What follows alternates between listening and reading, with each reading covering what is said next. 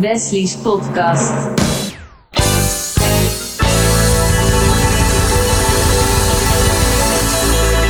Welkom bij deze elfde podcast van RTV Purmerend. Ik ben Wesley Dekker en je luistert naar Wesley's podcast.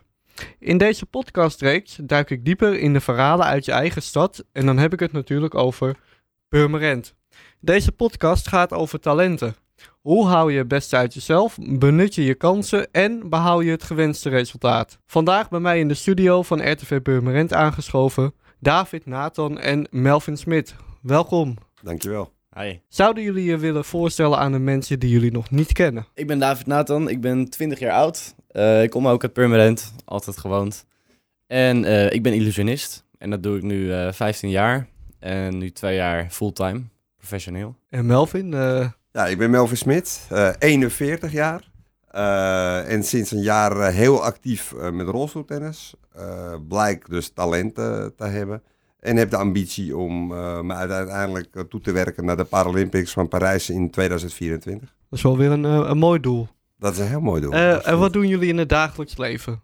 En ja, David, jij bent echt fulltime bezig. Ja, ja ik treed eh, ongeveer drie keer in de week op door heel Nederland. En ook in het buitenland soms. En dat is eigenlijk eh, ja, waar ik me mee bezig hou elke dag. En het buitenland, dat is dan België of verder? Ja, dat is eh, België, Frankrijk, alles een beetje in de omgeving. Leuk. Duitsland. Oké, Nou, dat klinkt goed. Ja, dat klinkt Een wel heel, eh, bekend gebied inderdaad. nou ja, ik ben in het dagelijks leven, dagelijks leven ben ik eh, raadslid bij de gemeente Purmerend. Eh, Ja. Dat doe ik al nu voor het vijfde jaar eh, achter elkaar. Eh, en ik werk sinds kort ook bij Spurt als projectmedewerker aangepast sporten. Nou, dat is mij op mijn lijf geschreven. Ja. En doe daar ook ja, werkzaamheden op het gebied van evenementen. Ja. En dat is gezien mijn achtergrond van tien jaar reuring, is dat ook niet een hele rare combinatie. nee, dat is wel weer een mooie combinatie van het aangepaste sporten en reuring bij elkaar. Ja, precies. Een mooie 1-2. Kan er veel veranderd worden op het gebied van aangepaste sporten? Nou, ik weet niet of je. Ik denk dat je wel kan stellen dat Spurt heel goed bezig is. Eh, alleen eh, moeten er nog stappen worden gemaakt. En dat heeft ermee te maken met eh, de integratie van wat je in Nederland in de jaren tachtig hebt gehad. Het opstarten van verenigingen, echt speciaal voor aangepast sporten. Naar nu een integratie bij gewoon normale verenigingen, gewoon reguliere verenigingen. Ja. Ja, en dat, bij de ene sport gaat dat heel goed en bij de ene vereniging. En de andere heeft daar wat meer assistentie bij nodig. En dat is een van de, de taken waar ik eh, onder, de- op het eh, gebied van eh, Special Forces, waar ik ga bij ondersteunen. Mhm. En ook op het gebied van uniek sporten zal ik mijn, eh, mijn steentje bijdragen. Want dan, dan praat je bijvoorbeeld over een, een, een, ba- een basketbalclub met een aparte, aparte groep eh, mensen. Ja, nou, dat is wel een mooi voorbeeld. Je hebt in, in Purmerend een heel, in het verleden had je echt een aparte rolstoel eh, Ja. Ja. En je had natuurlijk gewoon early bird. Ja. En op een gegeven moment is dat geïntegreerd. Dat ligt nu helaas een beetje stil, maar we zijn wel bezig om dat eh, natuurlijk weer op de rit te krijgen. Ja. Samen met early bird en ook met de, de Nederlandse Basketbalbond en Gehandicapten uh, Sport Nederland. Ja. Maar je hebt bijvoorbeeld een mooi voorbeeld is bijvoorbeeld het badminton. Daar heb je nog een apart groepje op de Zwanenbloem. Maar je hebt ook gewoon eh, BAVO. Ja. Ja. en dat zou natuurlijk heel prachtig zijn, heel normaal eigenlijk zijn als je dat met elkaar Ja. eh, ja, bij elkaar brengt. Ja, want wij kennen elkaar nog van het Ik rolstoelbasketbal. wil net zeggen, Precies, ja. dat is lang geleden Lang geleden. mij. Ik heb veel dingen mij, gedaan, eh, merk ik. Of ja. eh, 13, 14 geleden. wil net zeggen. Denk het wel. Nou, ja, toen was je leuk. eh, toch nog kleiner. Ik ook, was ik een stuk kleiner, jonger. Ja. We zijn toch weer ouder geworden. precies. En ehm, ja, David, eh, je, je zegt zelf een illusionist. Eh, Ja. Ja, heel veel mensen zeggen ook een goochelaar of een tovenaar, maar wat, eh, wat Dat vind jij bijna een belediging eigenlijk. Ja. Niet? Ja, nee, dat, dat- en ik, ik heb ooit eens een gesprek gehad met Hans Ja. Klok. Die vertelde mij, ja, goochelaar is eigenlijk voor mij echt een belediging. Hij zegt, ik kan erom lachen. Maar ik kan- hoe voelt dat voor jou? Ja, ik, eh, ik vind het niet zo erg. Ik noem mezelf ook wel goochelaar. Eh, maar ja, ik vind illusionist gewoon een beter woord en tovenaar. Ja, dat, dat is het gewoon niet. Ehm, Mensen moeten niet denken dat je Harry Potter bent nee, of zo. Nee, precies. precies. Nee, en eh, ja, goochelaar. Ehm, kijk, ik ben het op zich wel. Alleen ik vind het gewoon een beetje... Het, het- ik vind het gewoon niet zo'n mooi woord. Dus daarom eh, eh, gaan we voor illusionist eigenlijk. Maar feitelijk is een illusionist toch ook volgens mij wel een stap verder Dat dan een goochelaar. dat klopt. Weet je, vroeger kennen we op kinderpartijtjes de goochelaar die met het konijn uit de hoed bij wijze van spreken. Maar een illusionist doet veel meer met beleving volgens Ja. mij. En meer, meer Ja. een, een, een show. Die van Een illusionist is eigenlijk, eh, v- volgens de vaktermen, is een illusionist iemand die dus echt de grotere dingen doet met eh, mensen laten verdwijnen en eh, kisten en van alles en nog wat. Dus het zijn echt de grote shows zoals Hans Klok dat doet. En eh, dat doe ik zelf ook. Maar ik doe ook de kleinere shows, dus vandaar dat ik eigenlijk allebei de woorden gebruik. Ja. En is illusionist, is dat ook meer op je gedachten gericht? Eh, niet per se. Nee. Oké. Nee, illusionist is gewoon eh, ja, groter eigenlijk dan Groter? Ja. Gewoon veel groter. Ja. ja. En is er ook veel meer, eh, veel meer aandacht voor van, vanuit de media voor illusionisten dan voor goochelaars? Ehm, weet ik niet of je dat zo kan zeggen. Mm, want bijvoorbeeld Victor Mits, die heeft veel aandacht vanuit de media, maar die Ja. is geen illusionist. Die doet geen grote dingen. Nee. Eh, maar goed, hij noemt zich wel illusionist, omdat dat klinkt gewoon beter. Oké. Ja, dat klinkt gewoon interessant eigenlijk. Ja, ja, precies. Ja. En eh, ja, wanneer kwam het moment dat je bent gaan goochelen? Eh, dat was toen ik vijf, vijf jaar oud was. Toen kreeg ik een goocheldoos voor mijn verjaardag. Ja, het bekende verhaal, hè? Precies. en toen, toen ben ik eigenlijk daarmee steeds verder gegaan. En ehm, ja, steeds meer ontwikkeld en op tv gekeken, boeken gelezen, bij een vereniging gegaan. En eh, ja, dat is eigenlijk steeds meer eh, gegroeid eigenlijk. Totdat, eh, totdat je nu op een gegeven moment zegt van... Goh, ik ga het fulltime doen. Ja, precies. Ja, Ja, en dat is wel rendabel? Of, ja, ja? ja, dat is wel gewoon leuk. Oké. absoluut. En eh, Melvin, ja, eh, jij bent natuurlijk een echte rolstoeltennisser geworden, hè? eh, het Ja, afgelopen sinds een jaar. jaar. Maar hoe, hoe, hoe, hoe is dat gekomen? Nou, ik heb natuurlijk wel, eh, je gaf net al aan, rolstoelbasketbal heb ik in het Ja. verleden gedaan. Ik eh, ja, heb eigenlijk wel een, een groot verleden met sport. Ehm, voordat ik in een rolstoel terecht kwam, dat was, eh, zeg maar, ik ben op- in een rolstoel terechtgekomen op mijn zestiende. Oké. Daarvoor speelde ik op hoog niveau jeugdijshockey. Mhm. En zou ik eigenlijk met het Nederlands team ook meegaan naar het EK in Hongarije voor de jeugd onder de 18 jaar. Toen werd ik ziek, kwam ik in rolstoel terecht. En ja. toen ben ik rolstoelbasketbal gaan doen. Je gaat een beetje zoeken. Toen kwam ik erachter dat je aangepast ijshockey in Nederland had. Sledgehockey ook wel genoemd. Nou, en dat ben ik echt heel lang. Dat heb ik iets voor 15 jaar eh, gedaan. En daar heb ik EK's gespeeld, WK's eh, gespeeld. Ook het kwalificatietoernooi voor Sochi. Daarna ben ik gestopt. Ben ik heel, ja, toch nog een stuk forser geworden. Tot eh, op zijn top 140 kilo. Ja. En na meerdere afvalpogingen dacht ik van dit gaat niet werken. En ik merkte ook dat mijn gezondheid achteruit ging. En ik had zoiets van, nou, dit kan zo niet langer. Je wordt toch ook wel eh, wat ouder. En toen heb ik ervoor gekozen om een, eh, een aanvraag te doen voor een, een maagverkleining, een gastric bypass. Ja. En dat heeft eh, geresulteerd dat ik in 2,5 jaar tijd ben ik ruim 70 kilo afgevallen. Jij bent gigantisch veranderd. Ja, ik weeg nu rond de 68, 69 kilo. Ja. En eh, nou, in mijn tijd dat ik Sport Totaal presenteerde bij eh, RTV Purmerend woog ik echt eh, rond de 130, 140 kilo. Ja. En dat is gewoon een heel groot verschil. En toen het, het lijf eenmaal weer ook wat, wat spierkracht weer terug won, want ik verloor ook heel veel spierkracht. toen merkte ik dat mijn lijf echt eigenlijk weer meer wilde. Je, je, je wordt eigenlijk een beetje teruggezet in de tijd met je lijf. En toen kwam ik in gesprek met Spurt, toevallig. Ja. En, eh, van, nee, wat, wat zou ik nou kunnen doen? Want het ijshockey eh, was in Nederland op dat moment, het sledgehockey was een beetje afgeleden naar een, een niveau. Ja, daar ben ik gewoon te fanatiek voor, denk ik. Moet ik gewoon heel eerlijk in zijn. En toen kwamen ze eigenlijk met eh, Ronald Fink aan. Dat is een oud Paralympiër uit de Rijp. Die heeft de brons gewonnen bij de Paralympics van Londen in 2012. Eh daar hebben ze een kliniek door laten verzorgen op de Koemarkt toen de tijd, naar de, bij de nazomerfeestweken. En eh, die zei meteen van, ja, ja je, hebt, je hebt aanleg. Heb je ooit getennist? Nee, nooit. Ja, tegen het huis van, eh, van je ouders, weet je. Tegen, een balletje door het raam. Dat soort ellende, pap. Sorry nogmaals. Eh, maar ja, dus op een gegeven moment een paar keer met hem getraind. Op een gegeven moment ook een trainer bijgekomen bij Nekslag. En toen kwam er uit van, ja, je hebt eigenlijk wel dusdanig aanleg dat je zou eventueel wel wat meer kunnen gaan doen. Dus toen ben ik, na vier maanden trainen, ben ik al toernooi in Nederland gaan spelen. En nou, nu oktober, zeg maar, eh, 2018, eh, speelde ik al mijn inter- internationaal toernooi in Frankrijk. Eerste ETF Future eh, toernooi. En ik sta in Nederland ondertussen in de, de, de top 25 van Nederland. Eh, Oké. Nu in een jaar tijd. Wauw. En eh, ja, de, we doen er echt, gaan er alles nu aan doen om te zorgen dat ik eh, ja, toe kan werken naar de Paralympics over vijf jaar. Want eh, heel eerlijk, Tokio, dat, dat gaat, is gewoon niet haalbaar. Daar moet je gewoon heel eerlijk in zijn. Want er staan zoveel talenten in Nederland. Maar ik heb gewoon een paar jaar nodig. Ik ben altijd een beetje iemand die komt rustig eh, op Ja. gang. Dat heeft even tijd nodig. was een, bij ijshockey ook. De eerste drie jaar dacht mensen ook, maar het zal wel. en ehm, ja, ik merk nu gewoon, het is gewoon zo leuk om te doen. En ondanks dat ik nu 41 had, ik, ik zie mensen in het rolstoeltennis uh, ook op een hoog niveau. Echt de nummer drie van de wereld is 48. En die man wil ook minstens tot Parijs doorgaan. Ja, Dus ja, ik ben, er is ondertussen een stichting eh, door mensen opgericht die eh, proberen mij, mijn belangen daarin te behartigen. Maar ook Ja. te zorgen dat er financiën komen om mijn, eh, mijn Ja. route naar Parijs 2024 te bekostigen. wat, Want, eh, wat, heb je kost voor, gewoon een heleboel geld. wat heb je dan nodig? Nou, ik denk als je gaat kijken van nu tot Parijs. ik, ik, door mijn leeftijd ben ik te oud om al bij de KNTB aan te sluiten. Eh, dan moet je echt eh, al, nou ja, dan zal in mijn, met mijn leeftijd zal ik al de top 20 van de wereld eerst moeten staan. Wil je daar wat ondersteuning vanuit krijgen? Want ze Oh. zijn heel erg gericht op jeugd. Ja. Maar ik denk dat je praat over eh, tussen de 100.000 en 125.000 euro om tussen nu en de vijf jaar om Parijs te halen. Dat zijn echt wel serieuze bedragen. Dus eh, je, alleen dit jaar, eigenlijk met het originele plan wat we hebben, praat je al over 18.500 euro. ja. En dat is gewoon, dat heb je van trainingen tot, eh, hoe heet het, toernooien, binnen- en buitenland.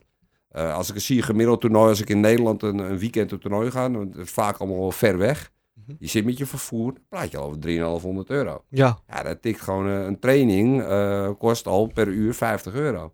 Dus het tikt gewoon aan. En dat is niet erg, want ik, ben, ik laat me nooit gek maken. Dus er is een crowdfunding geweest op een gegeven moment. Daar hebben ze geld mee opgehaald. Er zijn allerlei gesprekken met sponsoren.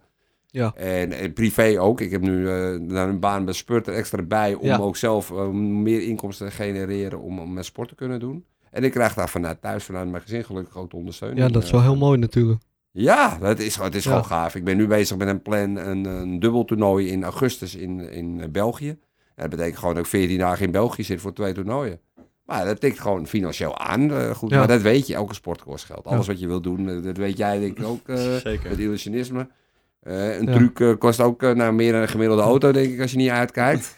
en dan moet je nog hopen dat je het alleen recht hebt. Dus alles in het leven kost geld. En ik denk dat iedereen dat Ja. elke dag in het leven meemaakt. Wat zijn jouw, wie zijn jouw voorbeelden als het gaat om rolstoeltennis? Of het algemene aangepaste sporten? Nou ja, ik, moet zeggen, qua als je gaat kijken van een nog hoog niveau sport halen op leeftijd, dat is Hendrik Jan Koppen uit Purmerend. Dat Ja. is een eh, judoka die eh, vroeger de top drie echt van Nederland eh, stond. En toen hij senior judoka werd, is hij nu al ondertussen iets van zeven of acht keer Europese wereldkampioen geworden. Ja. Zelfs heeft hij nog bij het gewone NK judo van de jonkies, zeg maar, heeft hij meegedaan op zijn vijftigste. Toen werd hij nog derde. Die man is voor mij, dat is niet een, een BN'er, maar het, of een bekende internationaal sporter, maar die man, dat is, is zo'n inspiratie. En qua rolstoeltennis moet ik wel heel eerlijk zeggen, wat inspiratie voor mij is Esther Vergeer. Dat is wel heel bekend, ja. Ronald Fink. Maar en op dit moment de nummer 1 van de wereld bij de dames, Diede de Groot. Ja. Ja. Dat is, een, dat, dat is de opvolger Ja. van Esther Vergeer. Het is echt gigantisch om die te Ja. zien spelen. En David, wie zijn jouw eh, voorbeelden? Eh, ja, Hans Klok. Zeker. Ehm, ja, jeetje. Siegfried en Roy? Vind ik ook heel gaaf, maar het- ja, ik heb Ja, er zonder nooit- die witte tijger. Ja. eh, denk ik. ja, precies. Dat brengt nog wel een schade op. Ja, precies, precies. Nou, ik vind David Copperfield ook wel echt, daar ben ik groot Ja. fan van. Ja, Leuk. En, en wat, wa- hoe zie jij jezelf dan ertussen staan, tussen dat rijtje over 30 jaar? Of 20 Las jaar? Vegas? jeetje. Ja, ik zou zeker wel een keer in Las Vegas willen optreden, maar ik hoef er geen eh, vast contract of zo. Zoals David Copperfield, die doet echt al 20 jaar daar gewoon eh, zeven dagen per week, drie shows per dag. Ja, In hetzelfde theater, ja, daar zou ik echt geen zin in hebben. Ik wil gewoon eh, of allerlei verschillende dingen doen. Hoe werkt dat een beetje dat in het illusionisme-wereld? Is het zo dat je elkaar ook op sleeptouw kan hebben? Is het zo dat bijvoorbeeld Hans Klok jou een kans zou kunnen bieden... bijvoorbeeld om een keer een gastoptreden in zijn show te doen? Hè? Want die gaat nu ook weer... eh, maar Ja. stel, hè, ik weet niet hoe dat werkt. Kijk, ik merk in de sportwereld dat we... eh, we nemen elkaar wel eens mee, we trainen met Ja. elkaar, we, we Ja. helpen elkaar. Eh, Je bedoelt, ik zie dat eh, in de rolstoeltennis nu ook. ja. Het ik ben redelijk goed in social media, goed in het commerciële deel. Maar ik help daar ook graag andere mensen eh, mee die daar wat meer Ja. moeite mee hebben. Maar Ja. ik weet, hoe werkt dit in jullie wereld eigenlijk? Ja, het is toch wel ehm, ietsje anders. Want de meeste goochelaars die, die eh, ja, ik weet niet, ja, die doen gewoon hun eigen ding, zeg maar. Maar eh, Hans Klok heeft wel bijvoorbeeld eh, eens, eens een keer wat, eh, wat jonge talenten. eh, eentje bijvoorbeeld eh, een keer een gastoptreden in zijn show in Carré laten doen. Dus ik, nou, ik denk dat hij er wel voor open staat. Ja. ja, en ik maar werk ken ook jij al- hem persoonlijk ook? Ja, ja, ja, zeker, ja. Ja, ik werk al tien jaar met, eh, met hem samen.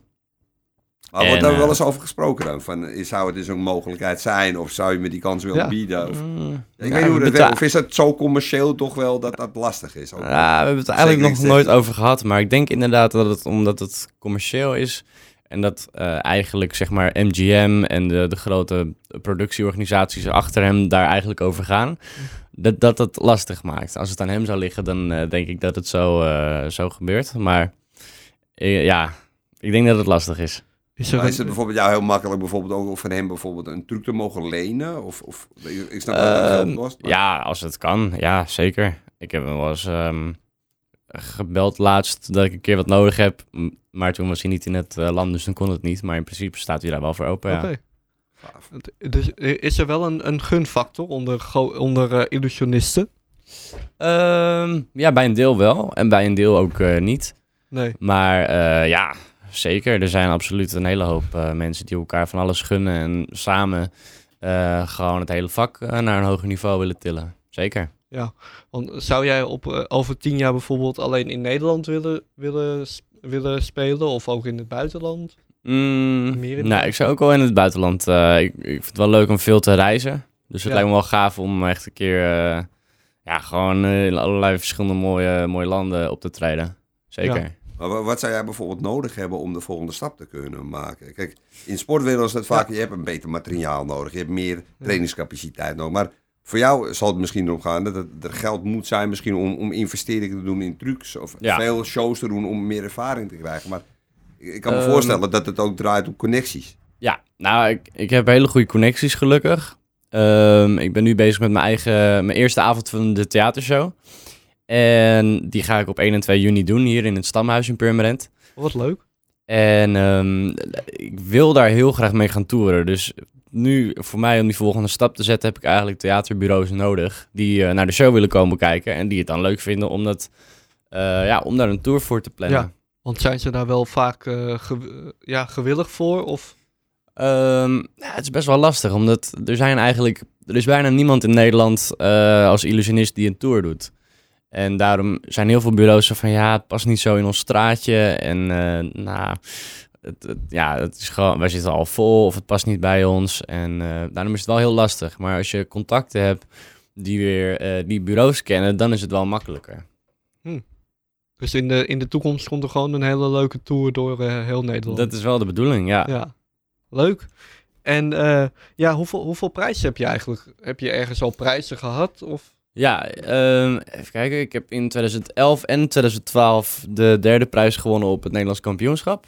Oké. Eh, ik ben in 2011 toen ook derde geworden van de Benelux. Ehm, even kijken. En hoeveel, goochela- eh, hoeveel illusionisten en goochelaars en alles gaat er dan om? Ja, meestal zijn het in totaal iets van 20 mensen of zo die meedoen aan zo'n wedstrijd. Het verschilt een beetje per keer hoor, maar zoiets. Ehm, even kijken. Toen heb ik in 2014 nog een keer een eerste prijs gewonnen op een nationale wedstrijd, maar dat was geen officieel NK. En toen in 2016 nog in Frankrijk eh, de publieksprijs bij een wedstrijd.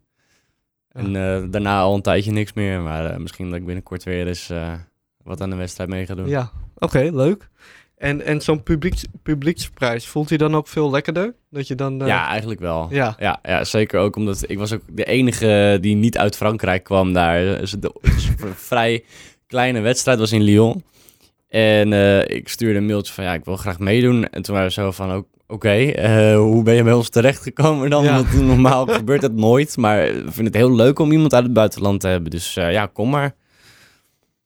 Ja, nou, dat vind ik... En wat is jouw leukste truc? Welke Mijn truc leukste vind je het leukst? Oeh, dat is een moeilijke vraag.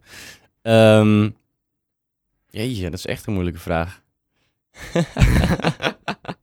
of heb je, laat ik het zo zeggen, heb je er eentje waar, je- waarvan je denkt van nou, als ik die moet doen, dan word ik niet... eh, die je in je tournee hebt of in een show? Of Ja, heb, je ja. bijvoorbeeld- heb je bijvoorbeeld een truc die eh, niemand anders heeft? Ja, ik heb een aantal trucs eh, die ik zelf heb bedacht. Ehm, eh, eentje, ja, die is een beetje moeilijk te beschrijven hoe het eruit ziet. Nee, je maar mag niet verklappen. nee, Nee. precies. Maar precies. het, het is een, een truc, een illusie waarbij ik zeg maar op het podium tot stof verga. En het is heel moeilijk om dat voor je te zien, om dat uit te leggen hoe het eruit ziet. Maar dat, eh, ja, dat is wel eentje waar ik wel, eh, wel trots Ja, op ben. en, en kom je op een gegeven moment wel weer terug? Of is dat dan het einde Nee. van de show? Nee, dat is het einde van de show. Oh, dat is wel heel leuk bedacht. Ja. Gaat er wel eens wat fout? Ja, zeker. Ja, Ik denk niet dat... tuurlijk. Ja. Tuurlijk gaat altijd Ja, wel maar eens... bij- alle grootheden gaat er ook vaak Tuurlijk. mis. Alleen vaak valt het ding niet altijd op. Nee, maar precies. voor een, iemand die illusionist is, lijkt mij iemand die ook een perfectionist is. Ik heb Ja. die documentaire van Hans Klok dan ook toevallig dan gezien. En ook, Ja. ook een documentaire van Siegfried de Roy. Die mensen zo perfectionistisch Ja. vaak. Dat wij hoeven dat niet te zien, want wij zitten in die beleving. Ja. En ik hoorde wel eens, dat, dat hoor je wel eens van, ja, maar dit ging niet goed en dat. En het publiek heeft dat totaal niet, al- Ja, meestal niet in de precies. gaten. Ja, ja, Of je moet geblesseerd raken. Nee, dat klopt. natuurlijk wat anders. dat klopt. Ja. En eh, hoeveel, hoeveel eh, ja, oefen je per week? Oeh, ik denk, ik oefen minimaal één uur per dag. Ja. Ehm, ja, en het hangt er een beetje vanaf waar ik mee bezig ben. Soms, zoals ehm, nu met de theatershow, ik ga vanaf 1 mei echt gewoon eh, hard repeteren. En dan zoveel mogelijk dagen in de week, maar dat worden dan wel echt gewoon dagen, zeg maar, van 10 tot 5 eh, bij wijze van spreken. Ja. En hoe vaak train jij in de week, eh, Melvin? Ja, het, het, het- bij mij verschilt even een beetje per periode. Ehm, heb ik heel veel toernooien, dan eh, train je gemiddeld juist wat minder. Als je heel veel toernooien achter elkaar hebt, omdat je je lichaam ook moet rust moet gunnen. Ja. Heb je bijvoorbeeld een, een, een, een maand of drie dat je echt geen toernooi hebt, ja, dan ga je heel intensief trainen. Eh, dan ga je ook meer op de krachttraining zitten. Omdat je natuurlijk, mijn lijf moet veel meer ontwikkeld eh, worden aan de bovenkant, zeg maar, bij de armen en bij de nek. Eh, maar gemiddeld train ik ongeveer, ja, zeg een drie keer per week tennis. En dan praat je over een uur tot twee uur. En ook één à twee uur per week fitness. Ja. En dan eh, is één uur eh, bijvoorbeeld uh, zelfstandig, één uur met een personal trainer.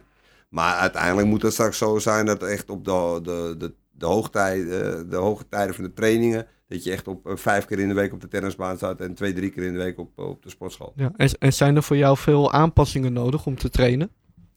Nee, de- ik, ja, dat is, eigenlijk niet. Nee. Ehm, het valt wel mee. Je moet sommige dingen, ja, je, je kan geen oefeningen met je benen bijvoorbeeld doen, maar je kan zoveel met je armen, met je rug, met je buikspieren.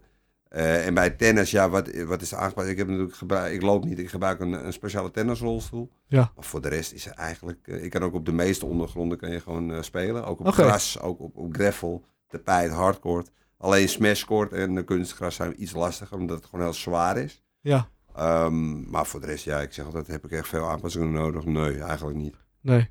Dus er moet vooral een beetje bewegelijk, bewegelijke ondergrond zijn? Of?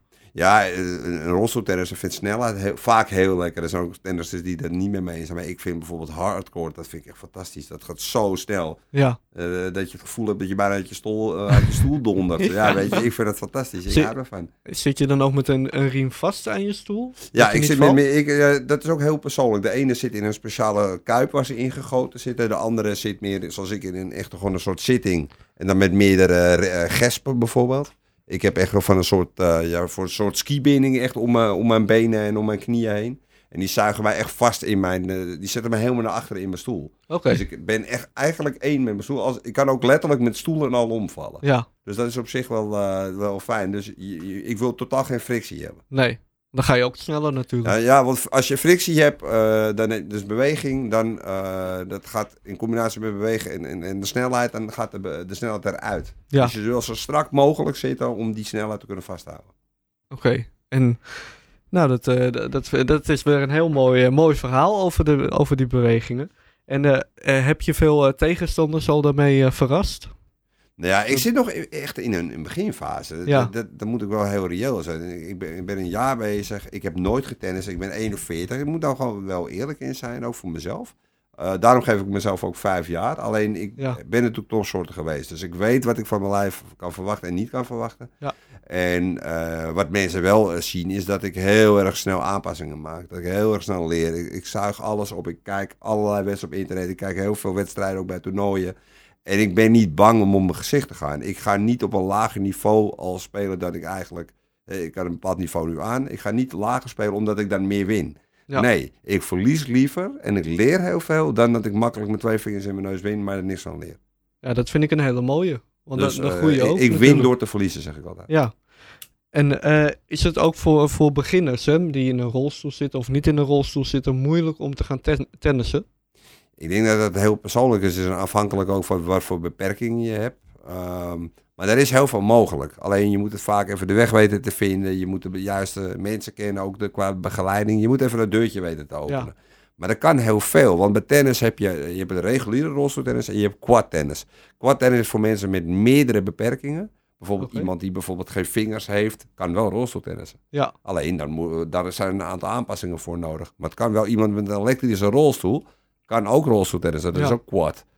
Maar dat moet je wel net weten. En dat is, ja, dat denk ik, als ik zie hoe breed de talenten in Nederland zijn, daar, daar moeten we elkaar helpen, denk ik ook. En proberen met elkaar te zorgen dat we meer bij internationale toernooien zijn. Kijk, we hebben best wel een heleboel goede topspelers. Alleen de spoeling is wel vrij dun. Ja. Alleen dan moet je zorgen vanuit de breedte sport dat je met elkaar zorgt dat er meer Nederlanders naar die toernooien gaan. Ja. Zodat je met elkaar ook een hoger niveau kan halen. Ja, en, en David, we hadden het er net natuurlijk over met eh, Melvin over eh, ja, wat hij allemaal nodig hebt met zijn rolstoeltennis. Maar Ja. bij, bij illus- het illusionist zijn, wat, wat heb je dan nodig? Wat heb je nodig? Ja, Ehm, veel. Ehm, ja, je hebt natuurlijk je trucs nodig. Ehm, ja, van alles. Ehm, ik heb, Assistenten. Ja, ook zeker. Ja, Bijvoorbeeld, is heel raar misschien, Ja. maar dat is wel dat ik denk, nou ja, Ja. dat past Ja. er wel tegenwoordig. nou, bijvoorbeeld, eh, ik had woensdag en moest ik een avondvullende show doen ergens. En dan heb ik, eh, dan heb ik mijn trucs mee, dan heb ik twee technici, dan heb ik iemand die filmt. Dan heb ik eh, natuurlijk mijn kleding, ik heb eigen licht, eh, ik regel mijn eigen geluid. Ehm, ja, allemaal van dat soort dingen. Er komt best wel heel veel eh, bij Ja. kijken. Ook drukwerk en dat soort dingen. Dus En, Ja. en voor iemand die nu, eh, bijvoorbeeld Melvin, die nu zegt van, goh, ik vind het zo leuk, ik ga het ook doen. Wat, wat heb je dan als eerste nodig? Ehm, nou, ik zou zeggen van, eh, kijk eens op internet. Er zijn een, aantal hele leuke goochelverenigingen in, eh, door heel Nederland heen. Ja. Eh, dus daar zou, dat is zeker eh, ja, de beste plek om te beginnen eigenlijk. En eh, ja, voor materiaal zijn er twee goochelwinkels in, eh, in Nederland, waarvan eentje vrij dichtbij in Heemskerk. Oké. Ehm, dus daar kan je ook trucs eh, kopen. Ja. Nou, eh, David en Melvin, hartelijk dank voor jullie bijdrage in deze elfde podcast van RTV Purmerend. Ja, jij bedankt Wesley. Ja, dankjewel.